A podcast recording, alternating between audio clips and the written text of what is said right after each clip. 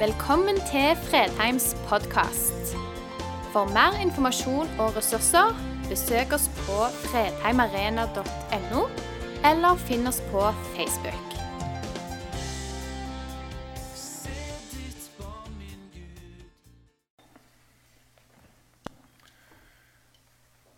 Som sagt så er vi da også i starten av en temaserie som vi kaller 'Hvor er du?' Um, Sist gang var Adam og Eva vi eh, gikk inn i uh, historien til. Og der, der og det spørsmålet kom hvor Gud gikk ut i hagen og spurte hvor er du I dag skal vi gå til Ester, som er en bok i Gamletestamentet, som utspiller seg på det tidspunktet hvor jødene var i eksil i Perserriket etter Jerusalems fall i år 587 før Kristus. Historien til Ester er jo egentlig en, eh, en litt trist historie. For hun var flyktning i et fremmed land hvor både mor og far var døde. Eh, mens da Mordekai eh, tok på seg eh, rollen som fosterfar for Ester. Eller Had Hadassa, som hun ble kalt. Både Mordekai og Ester var jøder. Vi kommer inn i historien i Esters bok når kong Seraks trenger en ny dronning etter å ha avsatt den forrige dronninga. Fordi hun e hadde egne meninger og ikke ville gjøre akkurat sånn som det, hun, som det han sa. Og så eh, skal det finnes en ny dronning, og den utnevningen av den dronningen skjer nærmest noe likt en skjønnhetskonkurranse. Eh, hvor alle de vakreste jentene i riket ble samlet inn i kongens harem. Og Blant de unge kvinnene så var en av de Ester. Kongen falt for Ester og ga henne dronningkronen etter den forrige. Men Ester hun holdt sin identitet hemmelig. Hun sa ikke til noen at hun var jøde. Mordekai som da var fosterfar for Ester, var bekymra. Hver dag så møtte han opp i slåssportene og satt der. Og Han eh, kommuniserte med Ester gjennom noen evenukker som voktet haremet. Hamam, som ble en av eh, kongens viktigste menn, mektigste menn, han ble provosert av Mordekai. For Mordekai nekta å bøye seg og falle på kne når Hamam gikk forbi. Fordi han var jøde. Og han ville ikke bøye kne for andre enn Gud. Så Hamam han gikk til kong Serik og satte i gang en plan om å få utrydda jødene fra riket. Når Mordekai fikk høre de planene, så kledde han seg i sekk og aske og gikk inn i slåssporten. Og han fikk formidla nyheten videre til Ester om at hun som dronning måtte gå til kongen og be kongen å vise nåde for det jødiske folk. Men Ester visste jo reglene. Hun visste at hun kan ikke bare trå opp for kongen. Det er ikke sånn det fungerer, og det var ok. Hun visste at hvis hun dukka opp der uten å være uinnbudt, så kunne det bety det samme som døden. Det eneste som kunne hindre det, var hvis kongen retta septeret mot henne. Da var det ok. Så hun spiller da tilbake det til Mordekai og sier på en måte at dette er ikke uproblematisk. Og Så kommer da Mordekai med en ganske tydelig oppfordring til Ester i kapittel 4, hvor han sier Tro bare ikke at du som den eneste av jødene skal berge livet fordi du er i kongens slott. For om du tier i denne tiden, vil hjelp og redning komme til jødene fra et annet sted, mens du og ditt fars hus vil gå til grunne. Og hvem vet om det ikke er for en tid som denne at du har fått din dronningrang. Så Ester landa da på ok, så kledde hun seg sitt dronningskrud. Stilte opp i slottsgården foran kongen, visste at det kunne bety at det var overfor. Midt imot kongen. Heldigvis retter han septeret mot henne, og han spør hva hun ønsker. Og Hun ønsker å invitere kongen og Haman på fest og etter at kongen flere ganger har lovet henne å gi akkurat hva, altså uansett hva hun ber om, så kommer han til, sy til syvende og sist da med sitt ønske. Dersom kongen ser på meg med velvilje, om han finner det for godt, så la meg få mitt eget liv. Det er min bønn. Og mitt eget folk, det er mitt ønske. For jeg og mitt folk er blitt solgt til utryddelse, drap og undergang. Det endte med at kongen dømte Hamam til døden og sendte ut bud om at jødene skulle få leve. Ester fikk bo i det som, tidligere var Hamams hus, og Mordekai, som tidligere hadde sittet i slottsportene, ble en av kongens mest fortrolige. Den nest mektigste i landet, eller riket. Denne historien inneholder noe få ting som kan være kjent for oss, og en hel del ting som er veldig ukjent. Om et harem av jomfruer, dronninger som blir valgt ut gjennom skjønnhetskonkurranser og avsatt dersom de har egne meninger som de velger å følge. Men jeg tror likevel det er noe ved Ester sitt liv som vi kan lære svært mye av. En av de tingene som er litt fascinerende i denne boken, her, det står i Gammeltestamentet, men den nevner ikke Gud en eneste gang. Men likevel så er det en dypt jødisk og religiøs bok. Hvorfor? Fordi det er akkurat som at Selv om det ikke står noe navnet konkret Gud i boken, så merker du hele tida at han er under der. Han er i historien, i hendelsene, i bevegelsene. Ja, vi stopper litt opp. For når vi planla den serien, som vi er inne i nå, så var det nettopp litt av det som var poenget. At vi, vi får fram det store persongalleriet som vi finner i Bibelen. Vi klarer jo ikke alle, men plukker litt fra forskjellige kanter. Nettopp fordi vi som kristne også forholder oss forskjellig til Gud. I hvordan vi tilber ham, i hvordan vi følger ham, i hvordan det ser ut for, i vårt liv. Der hvor noen elsker å bruke store ord om hvem han er, så er andre av oss mer dempa i hvordan vi eh, omtaler ham. Men det betyr dermed ikke at vi ikke lever for Jesus ønsker å følge ham. Men det ser bare litt annerledes ut. Ester hun må jo ha båret på en forferdelig sorg. Mor og far var døde, bor i et land som ikke er sitt. Og nå blir hun valgt til et liv gjennom en skjønnskonkurranse. Uten å virke til å ha særlig mye å si på det. Så kan du kanskje si ja, hvor ille var det å være dronning. Det virker kanskje ikke ut som det var akkurat likt som det er i dag å være dronning. Det kan ha opplevd som en byrde. Som at du fikk et liv du egentlig ikke valgte. Ja, du har mye mat, du har det fint. Men kanskje er det også mye ensomhet. På det tidspunktet hvor Mordekai ba Ester om å gå inn til kongen, så skriver hun at jeg har ikke vært der inne på 30 dager. Hvordan var det egentlig det livet? Var det egentlig det livet hun ønska seg?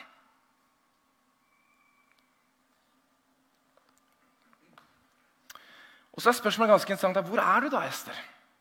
I din relasjon til Gud og i ditt liv? Og Jeg tror kanskje på mange måter at det spørsmålet det, var, det ville vært krevende for Ester også. Og Det kommer til syne når Mordekai spør hun om å gå inn og opptre foran kongen og be om nåde for folket. I den forklaringen Ester gir tilbake der, så er det helt klart at hun egentlig ønsker Men hun vet at dette kan koste meg livet mitt. Det du ber meg om å gjøre noe. Og Så kommer da de kraftfulle linjene fra Mordekai. Jeg leser en gang til. Tro bare ikke at du som den eneste jødene skal berge livet, for du er i kongens slott. For om du tier i denne tiden, vil hjelp og redning komme til jødene fra et annet sted, mens du og ditt farshus vil gå til grunne. Og hvem vet om det ikke er for en tid som denne at du har fått din dronningrang. Så hvor er Gud i historien?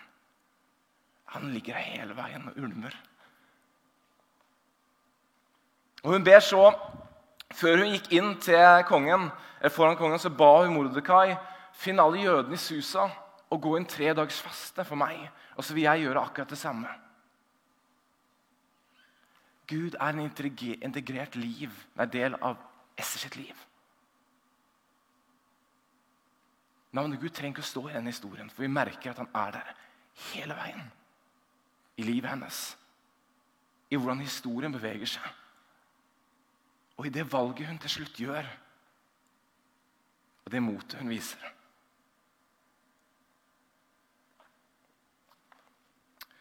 Og før hun går framfor kongen, så sier hun Skal jeg gå til grunne, så går jeg til grunne.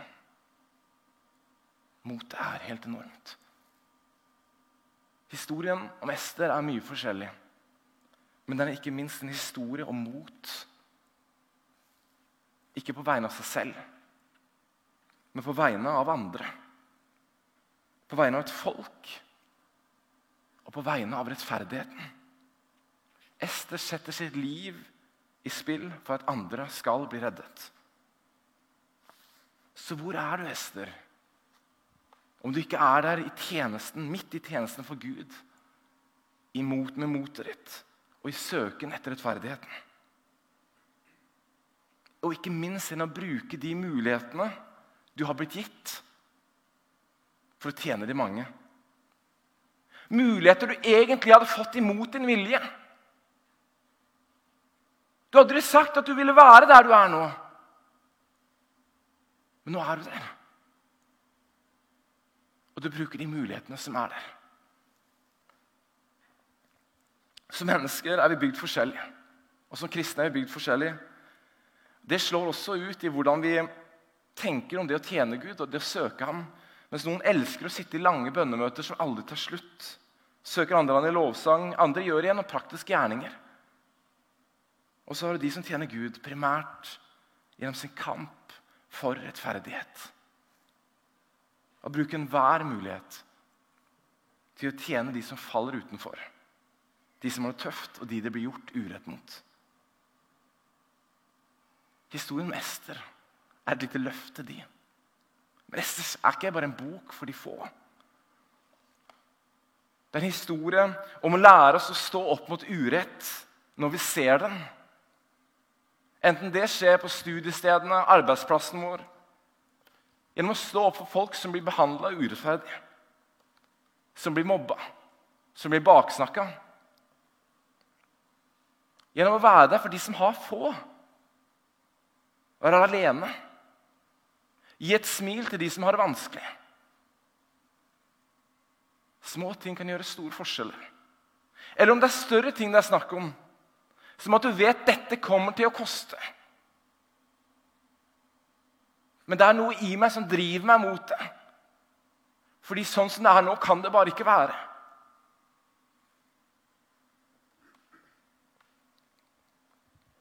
Ester er jo en historie om et menneske som våget også når det var skummelt. Ja, faktisk når det kunne koste henne livet. På vegne av de andre som ikke ville ha den muligheten som hun hadde. Poenget er jo at å kjempe mot urett krever av og til enormt mye. Og kan virke utrolig ubehagelig, skummelt. Men det gjør det ikke mindre riktig eller mindre viktig. Så det er en ting til jeg vil løfte fram her. og det er eh, når Jeg sa til en, en av de som eh, jeg forberedte gudstjeneste sammen med i menigheten etter å snakke om Ester så kom eh, vedkommende med en nylig setning og sa det er en sterk historie om å bli tvunget inn i et liv man ikke har valgt, og klare å oppi det og holde seg nær til Gud. Jeg syns det var så bra oppsummert. Ikke bare holdt seg nær til Gud, men hun brukte de mulighetene hun hadde der hun var, til det beste for andre. Og jeg tror det ligger noe der. For jeg tror vi alltid, eller alle oss, vi opplever i løpet av livet vårt at vi av og til havner i situasjoner, i jobber, i roller som vi av og til føler vi ikke har valgt sjøl. Eller vi skulle i hvert fall kanskje ønske vi ikke var der, men nå er vi der likevel. Kanskje historien Ester kan minne oss på om å løfte øynene, slik Ester gjorde i den situasjonen. Hvordan kan jeg bruke den i den situasjonen jeg står i nå? Hvordan kan jeg bruke den til å bety mer for menneskene rundt meg? For de menneskene rundt meg som har det tøft. Det er som om hun hever blikket sitt, vel å merke med hjelp av Mordekai og ser mulighetene rundt seg. Selv om hun kanskje opplever situasjonen som svært vanskelig. Hvordan kan jeg få lov å bety en forskjell? For Ester er dronning, ja, hun er det. Men vi vet ikke hvordan det livet var. Det var kanskje ikke fryd og gammen, bare. Hun visste sannsynligvis at den forrige dronningen var avsatt fordi hun hadde egen meninger. Og ikke ville stille opp for kongen for å vise sin skjønnhet og hans venner. Kanskje var det også sånn at dronningembetet til Ester først falt til ro hos henne. I det at etter hun våget å følge overbevisningen om hva som var rett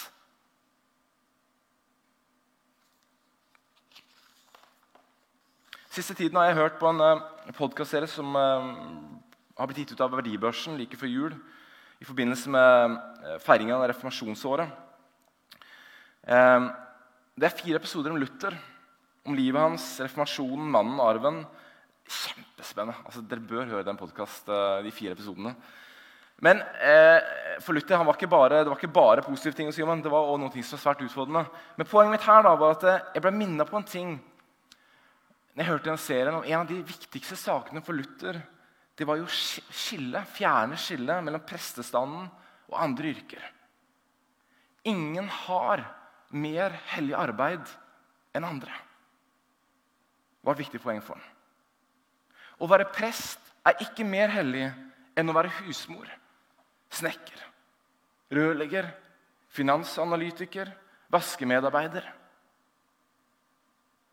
Og Jeg tror at det er viktig at vi forstår det, og at vi er klar over det. At der jeg er, kan jeg utgjøre en enorm forskjell. Ta Mordekai. Den betydningen han får inn i den historien. Hvem var Mordekai på dette, på dette tidspunktet?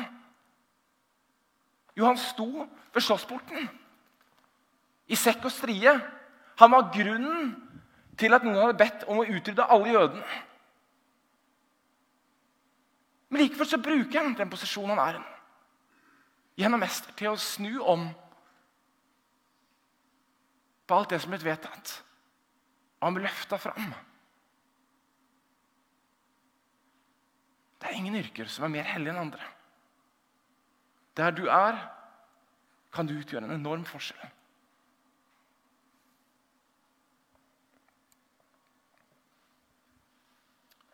Kanskje ser det annerledes ut for en revisor enn for en lege. Kanskje ser det annerledes ut enn for en finansanalytiker enn for en prest. Men det kan bety forskjell. Hvordan ser det ut, Jesus, å følge deg der jeg er, i mitt liv? Den yrken, den rollen, den plassen, den familien, det nabolaget jeg lever i. Hvordan ser det ut? Hvilke muligheter ligger her?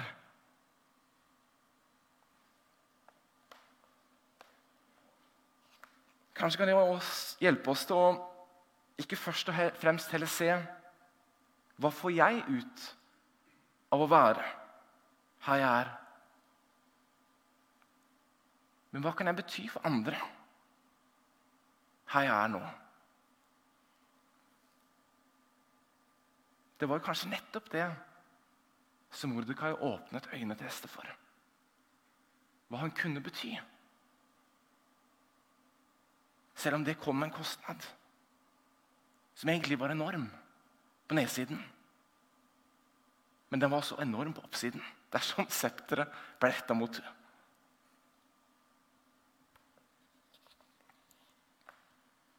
Og hvem vet om det ikke er for en tid som denne at du har fått din dronningrang? Kanskje er også slik med våre liv at livet oppleves mer meningsfulle hvis vi ser mulighetene til å bety noe for andre der vi er, enn å primært fokusere på meg selv. og mine muligheter. For Ester var det dronningrangen. For meg er det ett sted. For deg er det et helt annet sted. Hvor er fokuset mitt? Er det på meg selv? Og så sier jeg ikke vi skal glemme oss selv, men jeg stiller bare spørsmålet. Fordi jeg merker også for mitt eget liv at når jeg fokuserer på meg selv, og hva jeg får ut av det, så har en tendens til at jeg begynner å grave meg nedover. Hvis jeg klarer å fokusere på hva kan jeg få lov å bety for andre, der jeg er, så er det akkurat som en spiral. Du kan snu litt retning, og at det blir litt mer lystfullt. Ingenting som heter um, Winston Churchill han sa en gang We make a living by what we get. We make a life by what we give. Vi lever av det vi får. Vi skaper et liv av det vi gir. Husker du det bildet vi fikk for gudstjenesten? Den dråpen, eller de mange dråpene i vannet, og hvordan ringene brer om seg. Vi har alle sett det på et blikkstille vann. Hva hvis det at jeg kan få lov å bety noe på arbeidsplassen min, i nabolaget, blant vennene, hos ungene mine? Hva kan det bety for dem? Av og til tror jeg ikke vi aner ringvirkningene. Det er likevel et valg vi må ta. Skal jeg fokusere på meg selv først og fremst? Og hva dette betyr for meg? Eller hva jeg kan få lov å bety for andre? Jeg tror faktisk det er en sånn greie til selvhjelp. I hvert fall er det for min del. Den modige Ester vokste opp som foreldreløs flyktning i et fremmed land, men endte opp som dronning i det mektige persiske riket. Den jødiske jenta blir husket for å redde folket sitt fra utryddelse. Den jødiske purimfesten har sitt opphav i fortellingen om Ester. Jeg får frysninger når jeg leser det. Det er som en, et filmmanus. Men dette er en historie. Og et menneske som levde livet sitt. Og så mulighetene som Gud ga henne nettopp der hun var. Hvor er du, Ester? Om du ikke er til stede i motet ditt, i kampen mot uretten, og for å berge ditt folk. Vi ber. Kjære Jesus, takk for at vi vet du er her nå, midt iblant oss. Takk for at du ser hver en av oss, og du elsker oss, og du ønsker at vi skal ha det bra. Og så ber vi Jesus for at du hjelper oss å se de mulighetene vi har der vi er, til daglig. Vi har kanskje ikke dronningembetet, men vi tilhører deg.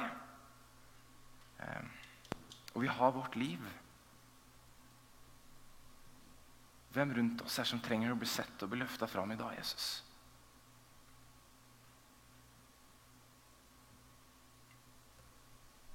Hjelp oss å se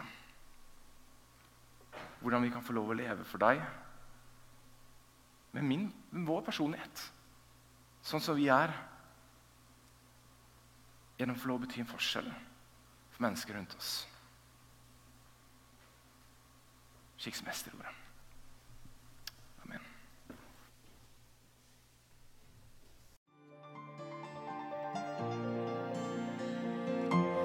Takk for at du valgte å høre på.